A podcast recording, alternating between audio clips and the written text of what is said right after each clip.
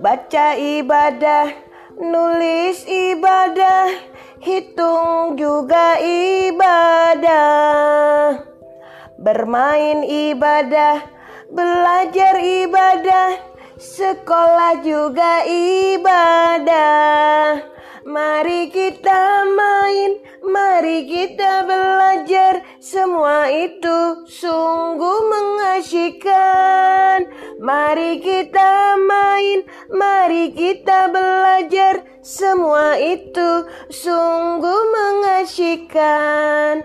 Assalamualaikum warahmatullahi wabarakatuh. Hai hai hai anak-anak Indonesia. Jumpa lagi bersama Bunda Enik dari Kampung Dongeng Intan, Kalimantan Selatan. Bunda Eni akan berkisah kembali dari buku 24 Nabi dan Rasul. Ini adalah buku yang ke-8. Di sini ditulis oleh Adin Jafar Kurnia beserta tim, ilustrator Anjar juga bersama tim, penerbit dari Sigma Kreatif Media Corp. Judulnya adalah Memahami Bahasa Semut. Oh ya teman-teman, kalau memahami bahasa semut kira-kira nabi siapa ya yang bisa mengerti bahasa semut? Mau tahu? Oke, yuk kita cari tahu ya memahami bahasa semut. Kelebihan Nabi Sulaiman alaihissalam adalah dapat memahami bahasa hewan. Semua jenis bahasa hewan dikuasainya. Bahasa hewan besar-besar dan juga maupun hewan-hewan yang kecil. Suatu hari Nabi Sulaiman alaihissalam ingin mengadakan perjalanan keliling negeri Bani Israel Perintahkan semua prajurit untuk bersiap. Perintahnya kepada Panglima. Aku akan mengadakan sebuah perjalanan besar, katanya. Panglima segera menyiapkan anak buahnya yang terbaik. Nabi Sulaiman alaihissalam sengaja memilih perjalanan darat. Kali ini beliau tidak menggunakan bantuan angin. Nabi Sulaiman alaihissalam ingin melihat langsung kondisi rakyatnya. Yang kekurangan akan segera diberi bantuan. Yang mempunyai masalah akan dicarikan solusinya. Desa kami sering terkena banjir tuan. Lapor seorang kepala desa. Ho, bangun. Bendungan agar sungai di desa ini tidak meluap saat hujan. Perintah Nabi Sulaiman alaihissalam. Menterinya segera mencatat perintah itu dan merencanakan pembangunan bendungan. Nabi Sulaiman alaihissalam dengan bijaksana menangani satu persatu permasalahan rakyatnya. Beliau ingin semua rakyatnya hidup sejahtera. Rombongan yang dibawa Nabi Sulaiman alaihissalam cukup banyak teman-teman.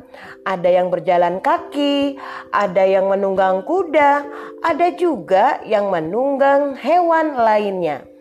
Sampailah rombongan itu di sebuah lembah besar. Lembah itu diapit oleh bukit-bukit batu. Di tengah lembah terdapat sebuah jalan yang akan dilewati oleh rombongan Nabi Sulaiman alaihissalam.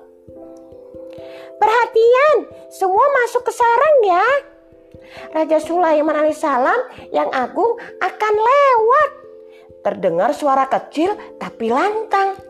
Sejenak Nabi Sulaiman alaihissalam bingung mendengarnya.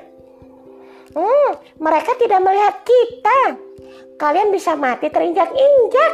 Lanjut suara itu. Nabi Sulaiman alaihissalam pun akhirnya tersenyum.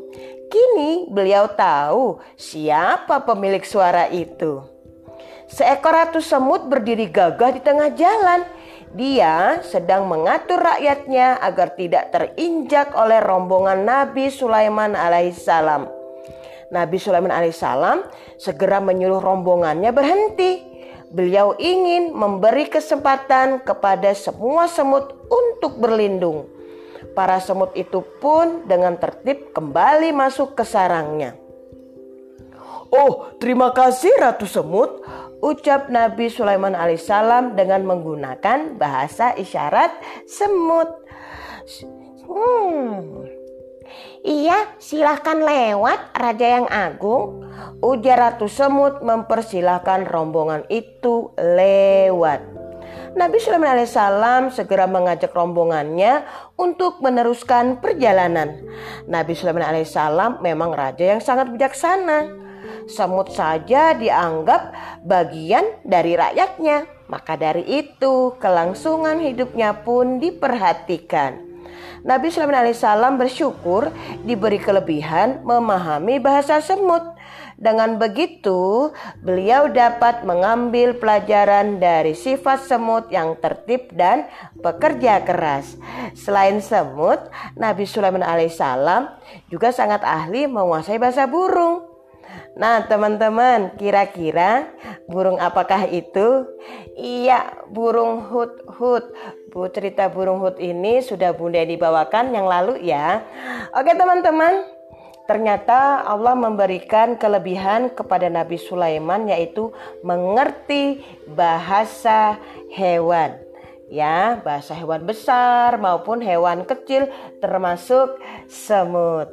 Nah teman-teman itulah kisahnya pada pagi ini. Semoga kisah ini membuat teman-teman bertambah ceria, menambah pengetahuan baru, dan juga Bunda ini mengharapkan kepada kalian semua menjadi anak yang soleh dan soleha, menjadi anak yang berbakti kepada orang tua, menjadi kebanggaan keluarga, bangsa, negara, dan juga agamamu. Oke teman-teman, besok kita lanjut lagi dengan kisah-kisah menarik menarik lainnya ya. Pantengin terus podcast Bunda Eni setiap hari kalian akan mendapatkan cerita-cerita menarik. Oke, terima kasih. Assalamualaikum warahmatullahi wabarakatuh. Dah.